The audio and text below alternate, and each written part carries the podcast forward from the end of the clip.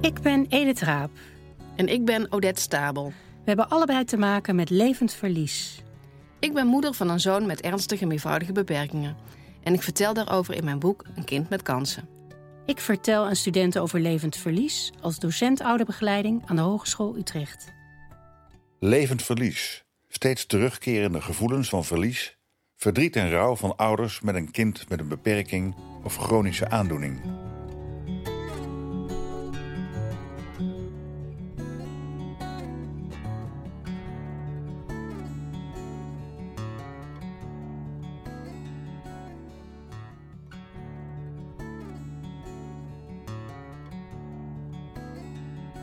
Vandaag spreken we met Nicole van den Dries Luidwieler. Nicole is moeder van een dochter met ernstige meervoudige beperkingen, maar ook fysiotherapeut, promovendus en oprichter van Ik Ga EMB. We raken eerst in gesprek over hoe ze dat allemaal combineert. Het is wel heel strak plannen. Ik werk fulltime, dus als ik overdag iets anders doe, moet ik dat s'avonds of in het weekend inhalen. Maar ik, ja, ik denk dat ik heel goed in staat ben om ja, de balans te bewaren door ook ja, oplaadmomentjes te zoeken, dat ik ook heel veel plezier uit mijn werk haal. En soms zijn gewoon weken zwaar. Dat is ook soms. Dat ik denk, waar ben ik in hemelsnaam aan begonnen? Dat, uh, ja, ja, dat gebeurt ook.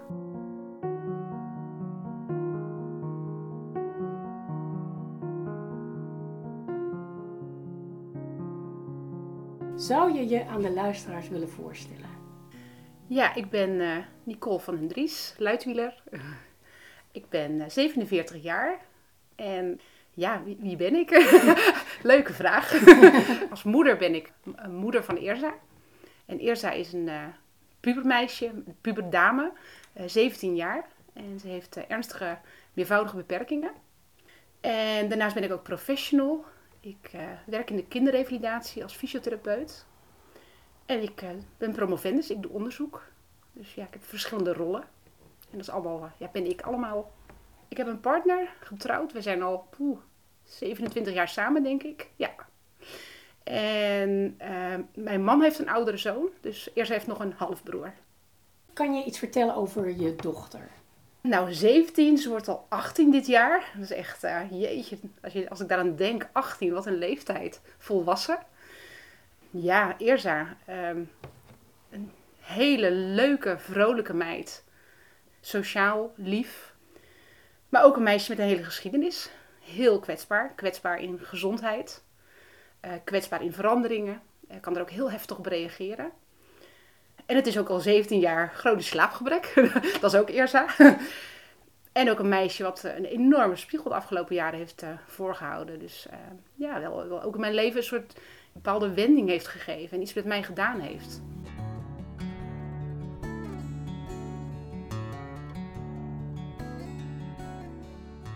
Wat is haar beperking of wat zijn haar beperkingen?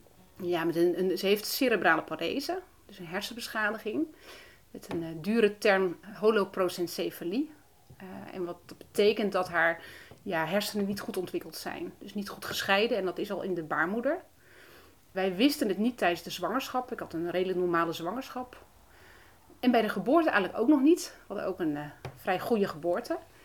Maar de verloskundige viel op dat zij een ontzettend klein hoofdje had. En zij wilde dat wij een scan lieten maken. En ik was eigenlijk toen nog niet zo bezorgd. Ze had een goede APCAR-score. Het enige was dat ze ontzettend slecht at. En veel huilde. Echt verschrikkelijk veel huilde. Uh, maar ze was alert. Dus ik had zoiets, nou, dat zal wel meevallen. En met zes weken hebben ze een uh, scan gemaakt. En uh, nou, ik kan het nog zo herinneren. Op het moment dat ze de scan maakte, schrok degene die de scan maakte enorm. En die zei, oeh, dit is echt foute boel. Toen dacht ik, oh, wat is er dan aan de hand? Uh, ja, ja, hij zegt, ik kan er niet veel over zeggen. Dat moet de arts doen. Maar de hersenen zijn wel echt heel anders aangelegd. Nou, dan ga je weg. Echt. Wat ze zeggen, de grond onder je voeten? Ja, letterlijk. En ik was eigenlijk alleen maar heel stil. Wij liepen naar buiten en uh, mijn man en ik zeiden niks. En we hebben er eigenlijk gewoon niet over gepraat bijna. Tot uh, we naar de arts gingen. Dat was een ja, week of twee, drie later. En toen kregen we het horen wat ze had. En er werd ook wel gelijk gezegd, ja, hoe ze zich gaat ontwikkelen weten we niet, dat moet je volgen. Maar het is wel een ernstige hersenbeschadiging.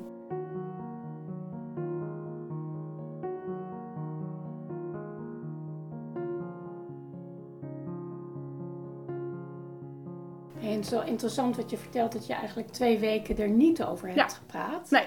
Kan je dat duiden? Kan je daar een verklaring voor geven? Ja, pure shock. Ik wist ook de woorden niet eraan te geven. Ik wist het, ja, heel af en toe hadden we het er een beetje over. Maar dan meer in de zin, nou, het zal wel meevallen. En die heeft ook een klein hoofd. En heel raar, je ontkent het gewoon. Het is pure ontkenning. En je wil er niet aan. Het is zo beangstigend op het moment dat je eraan denkt. En wat nog enger, denk ik, was, ik kwam uit de gehandicaptenzorg. En ik werkte al met de doelgroep. Dat was het rare. En dat beeld eigenlijk was pas daarna toen ik het toeliet. Ik zag gelijk het meest ernstige scenario voor me. Van, nou ja, in een rolstoel, kastplantje, geen contact maken. En dan zag ik mijn dochter en dan zag ik wel een meisje dat contact maakte. Dat ook heel lief kon lachen op een gegeven moment toen ze wat ouder was. Dus het beeld klopte totaal niet. Complete verwarring toen zij eh, klein was. Maar ik denk de eerste weken shock. Pure shock. Ik wist er de woorden niet voor. Nee. nee. En daarna? Ik denk dat we toen ontdekten, mijn man en ik waren al zo'n tien jaar samen, hoe verschillend wij zijn. dat zijn we nog steeds. Eh, dat was toen niet onze kracht, nu wel. Wij deden dat compleet anders. Mijn man schoot in een soort, ja, niet ontkenning, maar wel die eh keerde in zichzelf. Die eh, kon er heel moeilijk over praten. En ik wilde er continu over praten en ik ging allerlei dingen doen, op internet opzoeken. En mijn man wilde daar niks van weten. Dus die eerste tijd was het heel ingewikkeld, want ik wilde maar met hem praten. En hij wilde dat niet. Het was te pijnlijk. Dat is in de loop der jaren wel heel erg veranderd. We, we zijn daar veel meer naar elkaar toegegroeid. Maar die eerste jaren ontdekten we echt hoe ontzettend verschillend wij zijn. Hoe anders wij ja, met moeilijke situaties omgaan. Eh, Je werkte toen als fysiotherapeut? Nee, korte samenvatting van mijn eh, carrière. Ja. Ik ben eh, na de middelbare school heb ik eerst HBO-J gedaan, jeugdhulpverlening. Ik heb toen gewerkt in de gehandicaptenzorg. Toen Eerza werd geboren, ben ik een jaar heb ik niet gewerkt. Ik kon het niet. Ik kwam uit die zorg, ik werd daar helemaal kriegelig van. Ik dacht, dit is pijnlijk, dit is te moeilijk. Dit... Daar ben ik uitgegaan. En ik studeerde pedagogische wetenschappen al voordat zij geboren werd. Toen eh, heb ik die studie afgerond. Maar eigenlijk wist ik toen niet meer wat ik wilde gaan doen. Ik dacht, ja, wil ik wel iets met die pedagogiek? Ik was orthopedagoog, ik had jeugdhulpverlening gedaan. Ja, dat was toch iets met kinderen en met kinderen met een andere ontwikkeling. En ik dacht, ja, maar ik heb zo'n kind nu thuis. ik, ik, weet, ik weet niet wat ik wil. En eigenlijk door Eerza kwam ik ook in aanraking met hele revalidatie, met therapeuten. En toen dacht ik, wauw, en ik, ik, ik, ik heb ook een sportachtergrond. Ik doe sinds mijn 11e, 12e traditioneel karate. En ik had heel veel met bewegen en sporten. En ik dacht, ik ga die kant gewoon op. En ik vond het werk wat de fysiotherapeut met mijn dochter deed echt boeiend en fascinerend. En ik dacht, ik ga gewoon fysiotherapie studeren. en toen ben ik, toen eerst geboren was al, ben ik fysiotherapie gaan doen deeltijd. En ik heb daar dus naast les gegeven. Ook sport- en beweegopleiding. Het, voor mijn gevoel klopt het ook wel ergens. En toen had ik in mijn hoofd, ik ga later in de revalidatie werken, in de kinderrevalidatie. Dat vind ik fantastisch. En dat kon ik toen op een gegeven moment, toen eerst al wat ouder was. Dat, dat is wel in de loop der jaren gegaan hoor. En daarna ben ik de specialisatie kinderfysiotherapie gaan doen. En ik heb gesolliciteerd bij Rijndam. En uh, ja, heel maf eigenlijk. Daar was mijn dochter ook onder behandeling uh, geweest. En ik ben toen aangenomen, er ja, ingerold. En ja, dat, dat vond ik ontzettend leuk. Dus ik was wel met de doelgroep bezig, maar voor mijn gevoel met net iets meer afstand. Uh, dan wanneer je hulpverlener bent of wanneer je orthopedagoog bent. En waar zit die afstand in? Ja, dat is een goede vraag. De vraag is of dat wel waar is. dat dacht ik. nou, wat heel grappig is over dat... Ik kwam op Rijndam en mensen wisten wel dat ik ook ervaringsdeskundig was, maar ik deed er echt helemaal niks mee voor mijn gevoel. Dat waren twee compleet verschillende werelden. Ik vroeg ook echt letterlijk aan collega's: vraag mij onder behandeltijd niks over mijn privésituatie, niks over mijn dochter. Ik scheide dat compleet, die twee dingen. Uh, ik vond het lekker. Thuis was ik moeder van Eerza. Ik ging naar mijn werk en daar was ik Nicole de fysiotherapeut. En ik ontdekte, ik vind het wel heel leuk om met die doelgroep te werken, maar die verbinding met thuis, het was een soort ja, pijnlijke plek. Uh, daar, daar kon ik niks mee in mijn werk.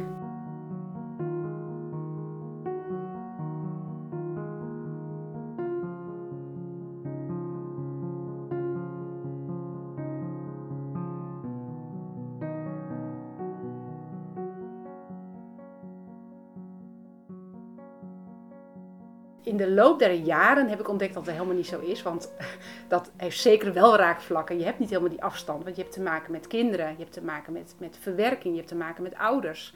Dus heel veel thema's die ik zelf meemaak, zag ik ook bij ouders en werd ik mee geconfronteerd. En ik werd door mijn werk, ook in dat werk als fysiotherapeut, geconfronteerd met mijzelf. En met mijn eigen rouw en met mijn eigen verdriet. En...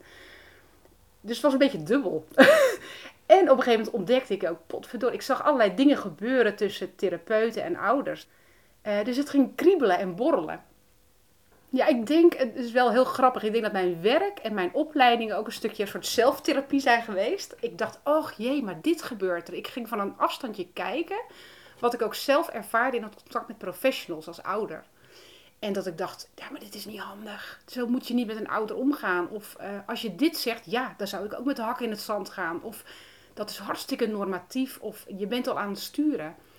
En wat ik ook zag, is dat professionals dat vaak helemaal niet door hadden.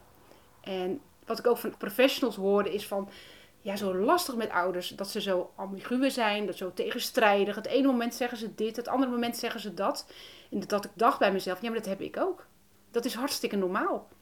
Of uh, ouders die het nog niet verwerkt zouden hebben. Dat ik dacht, ja, maar verwerkt, wat is dan verwerkt? dat wilde ik zo graag uitleggen. En ik had het gevoel, eigenlijk doe ik mezelf tekort. En doe ik ook de werkzetting waar ik werk tekort. Door mijn ervaringen en wat ik nu zie niet te delen. Dus ik heb het een aantal jaar gescheiden gehouden. En toen dacht ik, dus ik ben ook naar mijn manager gegaan. Ik heb het met collega's besproken. Ik dacht, hier moet ik wat mee. Ook in mijn werk. Het kriebelde nog meer bij Nicole. Ze solliciteerde naar een promotieplek aan de Universiteit van Groningen en doet nu onderzoek naar gezinskwaliteit van bestaan van gezinnen met een kind met een zeer ernstige of ernstige meervoudige beperking. Kan je iets schetsen over jouw emotionele reis en misschien dan ook de link met Levend Vries? Uh, heftig. dan ga ik even naar, naar bijna 18 jaar terug, uh, toen Eerza werd geboren en nu. Ik zei al net, toen Eerza net werd geboren, was, was het een shock, denk ik. De eerste paar weken had ik ja, ontkenning. Op het moment dat wij wisten nee, wat, wat zij had, heel tegenstrijdig. Als ik moet omschrijven hoe die eerste paar jaar waren, ik voelde me een soort stuiterbal. Tussen hoop, vrees, verdriet, boos. Echt alles kwam voorbij. Ik werkte natuurlijk al met de doelgroep, dus ik kende het. Ik had er, aan de ene kant het hele doemscenario, aan de andere kant het gevoel van, nou, als ik maar heel hard met haar ga werken en mijn best doe, dan gaat ze zich vast ontwikkelen. En heel dubbel. Maar ook heel zwart met periodes. Ik heb echt nou, gedachten die op dat moment niet hardop durf te zeggen. Dat je denkt, ik wil dit kind helemaal niet. Ik word nooit meer gelukkig. Ja, dat, die eerste paar jaar dacht ik, hoe. En dan kom je andere ouders tegen die eigenlijk in datzelfde proces zitten. En dat gevoel versterken. Denk, die zitten ook in dezelfde ellende. Dat je denkt, oh, hoe komt dit ooit nog goed? Ik denk, voor mijn omgeving was ik ook heel ingewikkeld op dat moment. Want vriendinnen wilden mij steunen. En aan de ene kant wilde ik dat ze erkenning gaven voor dat verdriet. Maar deden ze dat, dan wilde ik ook weer juist laten zien van ja, maar eerst is ook een hele leuke meid en het gaat wel goed. En ik denk dat ik ontzettend tegenstrijdig was. En wat mijn omgeving ook deed, dat het eigenlijk nooit het juiste was. Of misschien weer wel, maar ik wist het zelf gewoon niet eens. Nee. En ik vertelde net ook al dat ik, ik beoefen zelf het traditioneel karate. Dat is heel erg fysiek. Uh, daar heb ik heel veel uitgehaald. Dus gewoon door fysiek ook. Niet alleen in mijn hoofd, want ik zit voor mezelf vaak heel erg in mijn hoofd. Ik ga nadenken, ik ga malen. Dus ook heel fysiek bezig te zijn, dat was heel belangrijk. Dus ik ben ook veel gaan sporten. En ik gaf ook fysieke weerbaarheidstrainingen aan ouders. En die gaf ik al voordat eerst geboren werd. En ik denk dat ik daardoor ook wel heb geleerd om die gevoelens serieus te nemen. En die uh, ruimte te geven. En ja, dat, klinkt nu, dat was niet in, in één of twee jaar. Dat is een, een proces van jaren geweest. Door te ontdekken dat die twee dingen naast elkaar bestaan. Het is niet alleen maar dat je de moeder bent die het allemaal kan en, en heel positief is. En het is ook niet alleen maar de moeder die heel depressief is en niet ziet zitten. Het zat allebei in mij. En ik merk wel in de loop der jaren dat, dat het gevoel anders is. Het, piekt minder. De eerste jaren stonden heel erg een teken van verwachtingen die... Ja, echt verwachtingen. Die, dingen die echt anders zijn. Je verwacht als je een, kind krijgt dat, dat, dat je kind leert lopen, dat je kind leert praten. Uh, wij wisten al heel snel dat gaat zij niet doen ik weet nog het beeld dat ik al die moeders zag met die kinderen achter op de fiets met zo'n zitje. En dan dacht ik, dat beeld van die hele vrolijke peuter die uh, loopt en, en meegaat op de fiets. En van die hele basale dingen, ja, dat, dat deed pijn. Echt, dat deed pijn. Dat, dat, dat... En dat vond ik ook weer moeilijk om te zeggen. En ik heb in de loop der jaren wel geleerd, denk ik, dat ik daar dat wel mag zeggen. En dat heeft me heel erg geholpen. En ook heb je het over psychofysiek. Ik heb geleerd om naar mijn lijf te luisteren. Dus als ik het voel, er zit iets niet lekker, dan moet ik daar iets mee. Dan, dan, uh, om dat niet weg te stoppen, maar daar ook iets mee te doen. En kan je dat concreter maken, wat je daar dan mee doet? Of hoe dat werkt? Ik had nog niet zo lang geleden, denk met een vriendin. Ik, denk dat ik daarin wel heel erg gegroeid ben en heel anders met situaties omga. Ik eh, had gewoon een, een, nou ja, het afgelopen jaar best een, een, een, lastig jaar met periodes. En ik voelde me echt gewoon rot. En ik had een vriendin aan de telefoon en ik, ja, ik had zoiets, ik wil gewoon zeggen hoe rot ik me voel. En die vriendin was me enorm aan het opbeuren. En ineens zei ik, stop daar eens mee.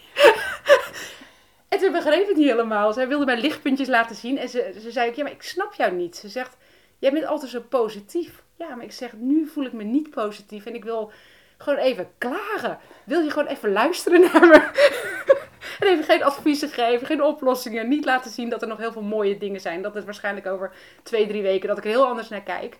Ik wil nu gewoon ruimte voor dat gevoel. En dat helpt mij. Door uh, te voelen, me van bewust te zijn en het ook te benoemen. Uh, en ik denk dat dat heel anders is. Een aantal jaar terug denk ik dat ik in mezelf was gekropen. Het was minder mild. Dat ik dacht, die gedachten mag ik niet hebben. Daar moet ik me overheen zetten. En inderdaad zelf ook zo naar mezelf was. Van, uh, wees weer positief. Uh, schouders eronder. En nu denk ik, nee, het mag. Dus ik, ik voel het. Ik ben me ervan bewust. En ik doe er wat mee. Dat, dat, ja. En ik leg het ook aan mijn omgeving uit. Ik denk dat dat helpt.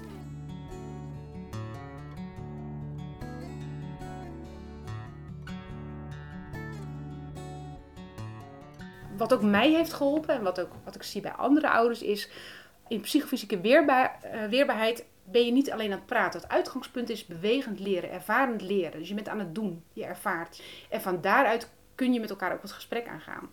En wat heel erg helpt kan zijn, zeker bij mensen die het bijvoorbeeld moeilijk vinden om woorden te vinden voor hun emoties. Mensen die ook bepaalde dingen van zichzelf nog niet herkennen of zien of voelen. Kan die manier van ervaren heel erg helpen om voor een stukje bewustwording. Dat je gaat voelen waar, als ik bijvoorbeeld tegen een grens aanloop, waar voel ik dat dan in mijn lijf? Hoe merk ik dat dan? Op het moment dat je dat alleen maar heel rationeel in een gesprek benadert, voel je het niet op dat moment. Want je zit niet in die situatie. Op het moment dat je het in een rollenspel opwekt, of in een oefening, een psychofysieke, echt een fysieke oefening. Bijvoorbeeld iemand komt dichtbij, of iemand verheft zijn stem, of je merkt, hé, dit doet iets met mij. Dan op dat moment kun je daar bewust van worden en dat beschrijven. Wat doet dat met mij? En wat heel erg kan helpen is om dat wat je in die trainingen leert en, en ervaart, om toe te gaan passen in het dagelijks leven. Te gaan kijken naar wat gebeurt er in het dagelijks leven. Dus op het moment dat je in zo'n training tegen een grens aanloopt, of je merkt, hé, hey, een ander doet iets met mij en dat raakt mij. Bijvoorbeeld een ander uh, zet mij in de hoek, of de ander reageert heel erg agressief. En ik merk dat ik in mijn schulp kruip, of dat ik uh, heel erg timide word of wegloop, ontwijk. Hoe, hoe werkt dat dan in het dagelijks leven? En je ziet vaak dat hoe je in zo'n training reageert, je vaak ook in het dagelijks leven reageert. En die inzichten konden mij, zie ik ook bij ouders, heel erg helpen. Het gaat heel erg over bewustwording en het ervaren. In het moment ervaren en daar woorden aan geven en je op dat moment er bewust van worden, dat heeft mij heel erg geholpen.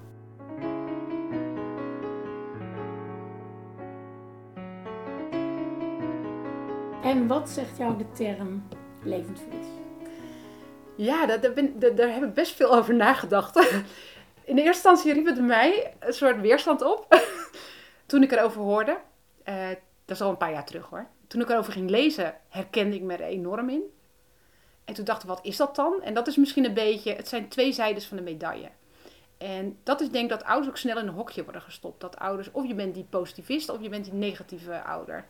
En ik denk dat dat er geen recht doet aan ouders. Want ik denk, iedere ouder heeft een positieve kant en een negatieve kant. Alleen je vraagt soms net voor die ene kant wat meer aandacht. En ik denk dat ik de eerste jaren heel erg veel aandacht vroeg voor die negatieve kant, maar daar ook wel weer heel schuldig over voelde. Nu vraag ik de laatste jaren heel veel aandacht voor die positieve en mogelijkheden. Maar dan krijg je ook wel weer kritiek en terecht, denk ik. Want het is maar één zijde van de medaille. En dat vind ik bij levensverlies ook. Het is één zijde van de medaille. Levend verlies. Voor Nicole is dat meer dan verlies. Het is machteloosheid, het is paniek, het is boosheid, het is verdriet, het is onzekerheid, het is schaamte. Ik denk het woord schaamte, dat we dat ook niet moeten vergeten. Op het moment dat je naar buiten gaat en je wordt door iedereen aangestaard. Daarin heb ik heel veel van die psychofysieke weerbaarheidstrainingen geleerd. Wat doet dat met je houding? Wat doet dat met je gedachten? Wat doet dat met je gevoel? Alleen, ik vind wel belangrijk dat er aandacht voor is. Want ik denk dat er in de zorg nog te vaak overheen gewalst wordt. Dat er wordt gedacht op het moment dat je... Ja, ik denk, denk dat de omgeving er vaak ook geen raad mee weet. Dus een term, aan de ene kant omarm ik hem. Alleen met het woord verlies heb ik denk ik wat moeite. Want als ik nu naar mijn leven kijk, ervaar ik geen verlies. Maar wel soms, dat herken ik wel, dat bepaalde moeilijke emoties ineens de kop op kunnen steken. Als ik bijvoorbeeld periode zijn we ook heel erg bezig geweest met die 18-plus transitie. Uh, eerst is van kinderdagbesteding naar volwassen dagbesteding gegaan. En het roept ook gelijk weer dingen op als wonen, logeren. Wat als ik er straks niet meer ben? Ja, dat, dat benauwt me, dat grijpt me aan. Dat vind ik zo ontzettend ingewikkeld. En dat zorgt voor een soort blinde paniek bijna.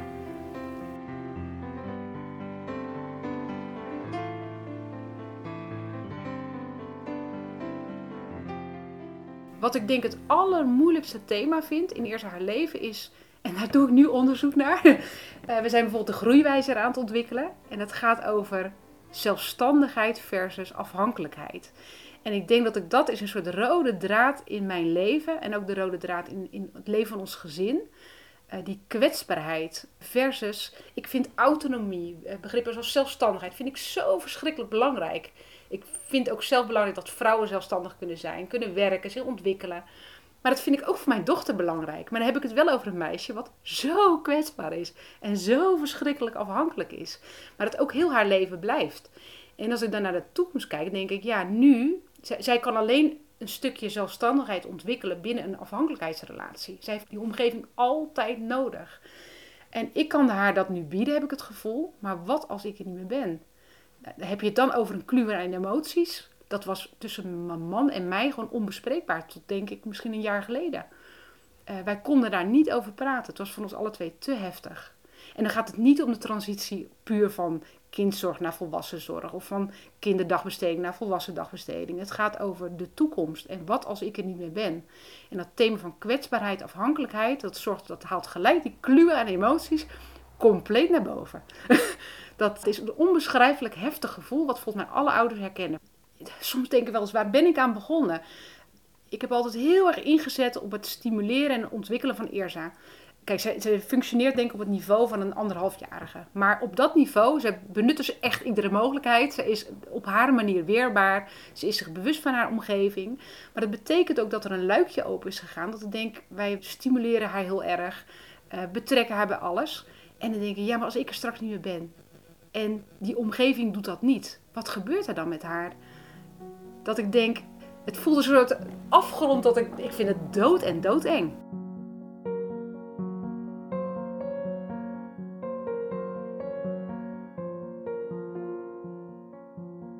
Ik weet niet of het een soort lijfsbehoud is.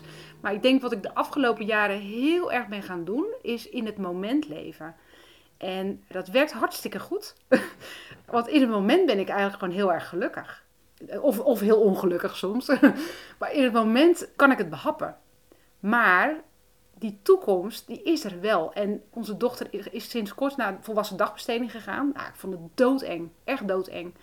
Een heel andere stichting ook. En ik dacht, gaat dat wel goed? En het is hartstikke goed gegaan tot nu toe. Maar dat roept gelijk die vragen op van logeren en wonen. En mijn man is al ouder, die loopt al richting de 70. En ik, ja, je hebt allebei niet het eeuwige leven. Er moet maar iets gebeuren in ons gezin. En denk ik, ja, en dan?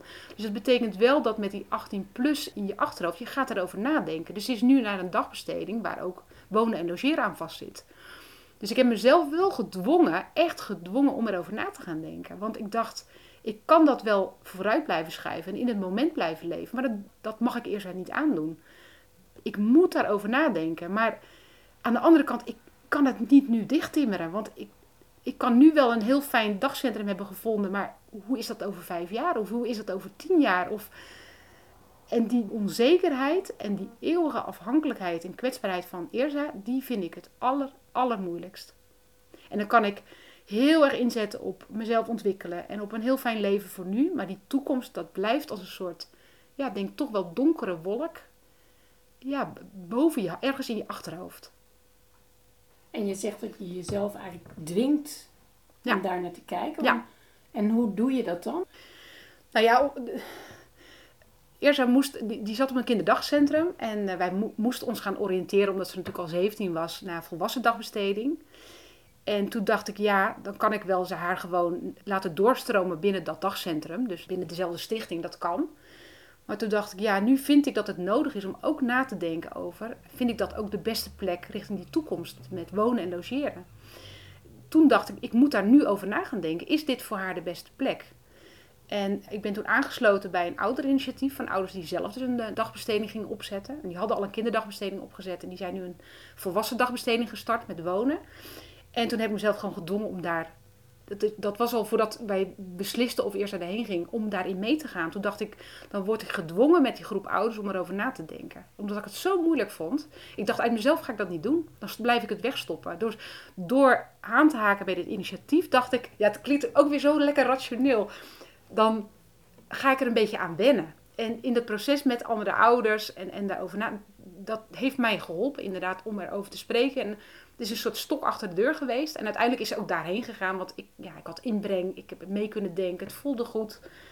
Dus ja, soms heel rationeel dat ik denk, nu moet ik die stap nemen. Nu heb ik dat, ja, nu is het belangrijk. Ja,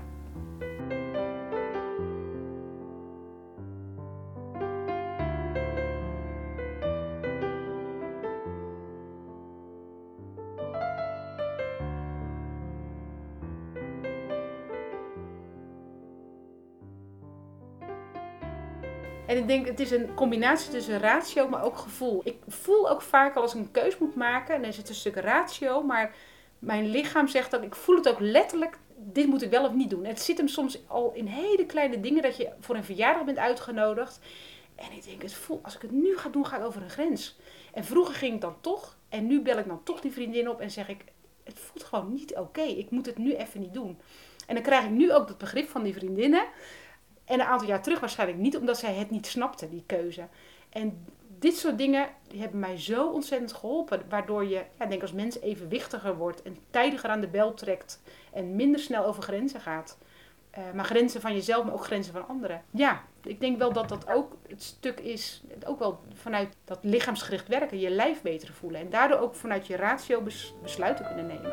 Dus het een sluit het ander niet uit.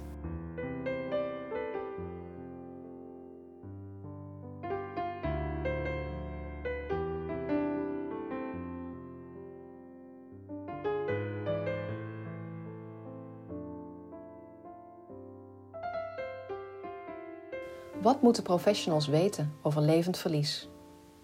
Ik denk dat dat tegenstrijdige, dat dat uitgelegd moet worden aan professionals. Dat het zo belangrijk is, want dat krijg ik zo vaak terug van professionals. Ouders zijn zo tegenstrijdig. En ze zeggen dit en dan doen ze dat. En de ene keer zeggen ze dit en de andere keer zeggen ze dat. En dat hoort bij het proces waar je in zit. Ik denk voor professionals is het belangrijk om te begrijpen dat dat kan fluctueren. En dat ook op het moment dat jij iets zegt, dat dat iets kan triggeren.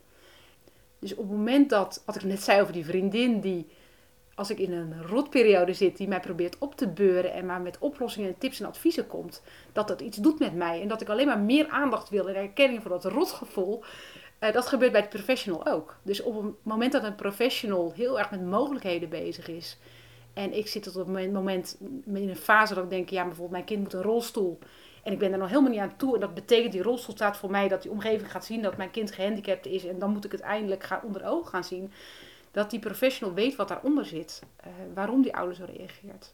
Ik zeg ook altijd, professionals moeten eerst eens leren om goed te luisteren. En goed door te vragen. Voordat ze met allerlei tips en adviezen komen. eh, met alle goede bedoelingen. En begrijpen hoe verwerking, hoe dat werkt. En dat dat heel grillig kan zijn. En heel tegenstrijdig. En dat je gewoon... En ook niet bang moet zijn voor emoties. Dat is denk ik een hele belangrijke. Er zijn professionals vaak... Niet allemaal, maar sommigen heel bang voor. Dat ze iets raken waardoor een ouder boos wordt of verdrietig of dat mag. Dat, uh, ja. Ja.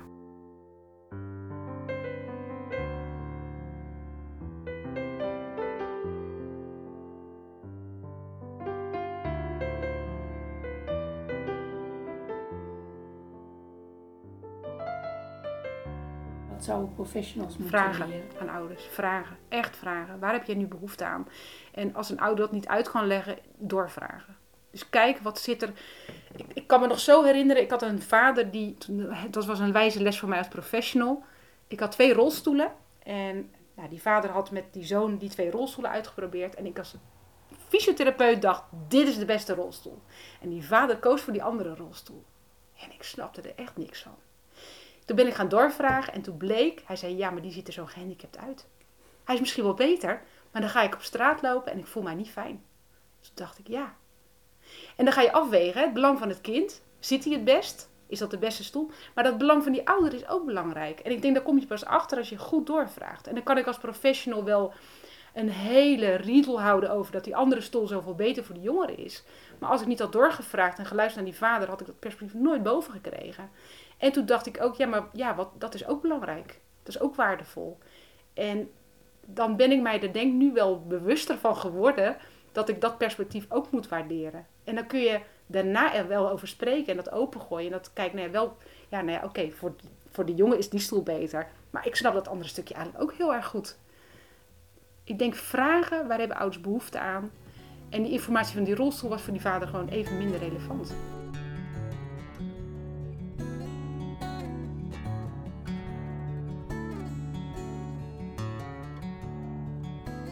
Hoe gelijkwaardig is de relatie tussen ouders en professionals? Ik ontdekte een aantal jaar terug dat wat ik deed op het moment dat ik met een professional in overleg ging, dat ik heel snel zei dat ik ook professional was. Toen dacht ik, waarom doe ik dat? En toen dacht ik, dat heeft met die ongelijkheid te maken. Dan heb ik het gevoel dat ze mij pas serieus nemen. Toen dacht ik, dit klopt niet. Zij moeten mij als ouder serieus nemen. En nu doe ik het ook niet meer. Soms zeg ik het wel als ik denk, nu is het handig. En uh, ik had pas wel een arts, moest ik lachen, een nieuwe arts. En ik begon met allerlei termen. Het is soort beroepsdeformatie. En die arts zegt, nou jij als moeder kunt ook wel zo aan de slag als professional. Toen zeg ik, ja, maar ik ben professional. En ik had het dus niet gezegd. maar het was wel een eye-opener dat ik dacht, er is nog heel vaak ongelijkheid in relaties. En ook al is dat niet bewust van opzet, een ouder voelt zich al snel toch vaak ja, ondergeschikt aan de professional. Terwijl ik denk, die kennis van die professional en die kennis van die ouder, die is zo ontzettend waardevol en gelijkwaardig. Maar ik denk een ouder bij voorbaat staat of al 1-0 achter of heeft de neiging om zich te overschreeuwen soms van luister naar mij. Uh, maar dat is een hele ingewikkelde, complexe relatie waar we ons met elkaar heel erg bewust van moeten zijn.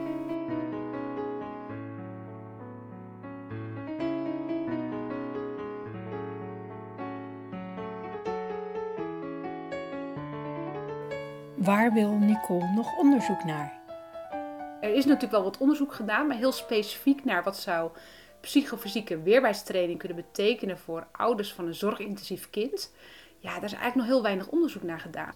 Ik ben er heilig van overtuigd dat dat heel waardevol aanvullend kan zijn voor een hele grote groep ouders. Een tegeltje?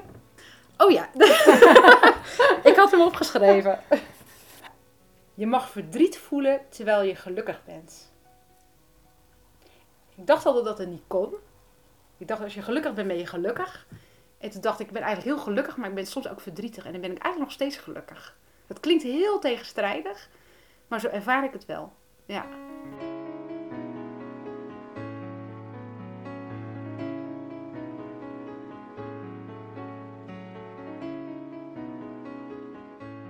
Ik ben best lief voor mezelf. Ik vind mezelf echt best wel leuk. En dat durf ik het best wel. Ik ben niet perfect, bij lange na niet.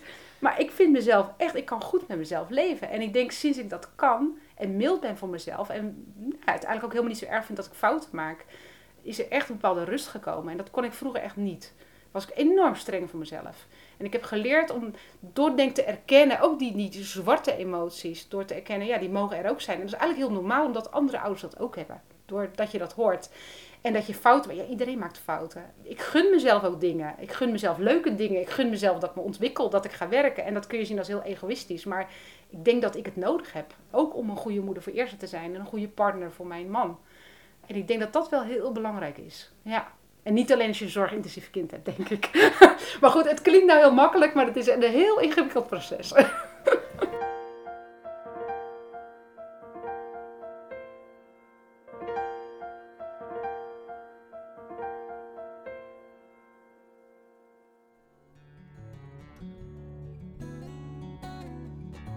Dit was een gesprek met Nicole van den Dries Luitwielen, aflevering 23 in de podcastserie Levend Verlies.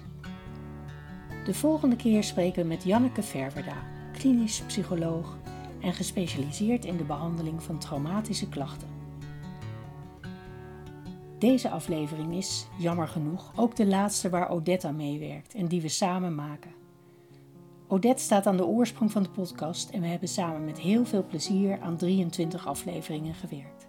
Het laatste woord is aan Odette. Ik vond het een bijzondere ervaring om de podcast tot stand te brengen. Inspirerend. Ik ben trots op iedere aflevering die Edith en ik samen hebben gemaakt. En op het geheel. Maar onze Jens is alweer bijna 17. Samen met andere ouders ben ik inmiddels drukdoende een nieuw thuis voor hem te ontwikkelen. Naast mijn werk en de zorg voor de kinderen is dat een hele kluif. Uit gesprekken met andere ouders heb ik geleerd dat ik goed voor mezelf moet zorgen en zorgvuldig met mijn tijd moet omgaan. Gelukkig willen Minke Verdonk en Irene Sies mijn taken in de podcast graag van me overnemen.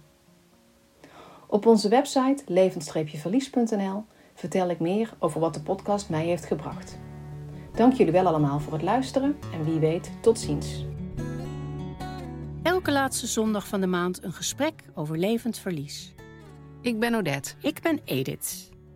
Abonneer je op onze podcast levend-verlies.nl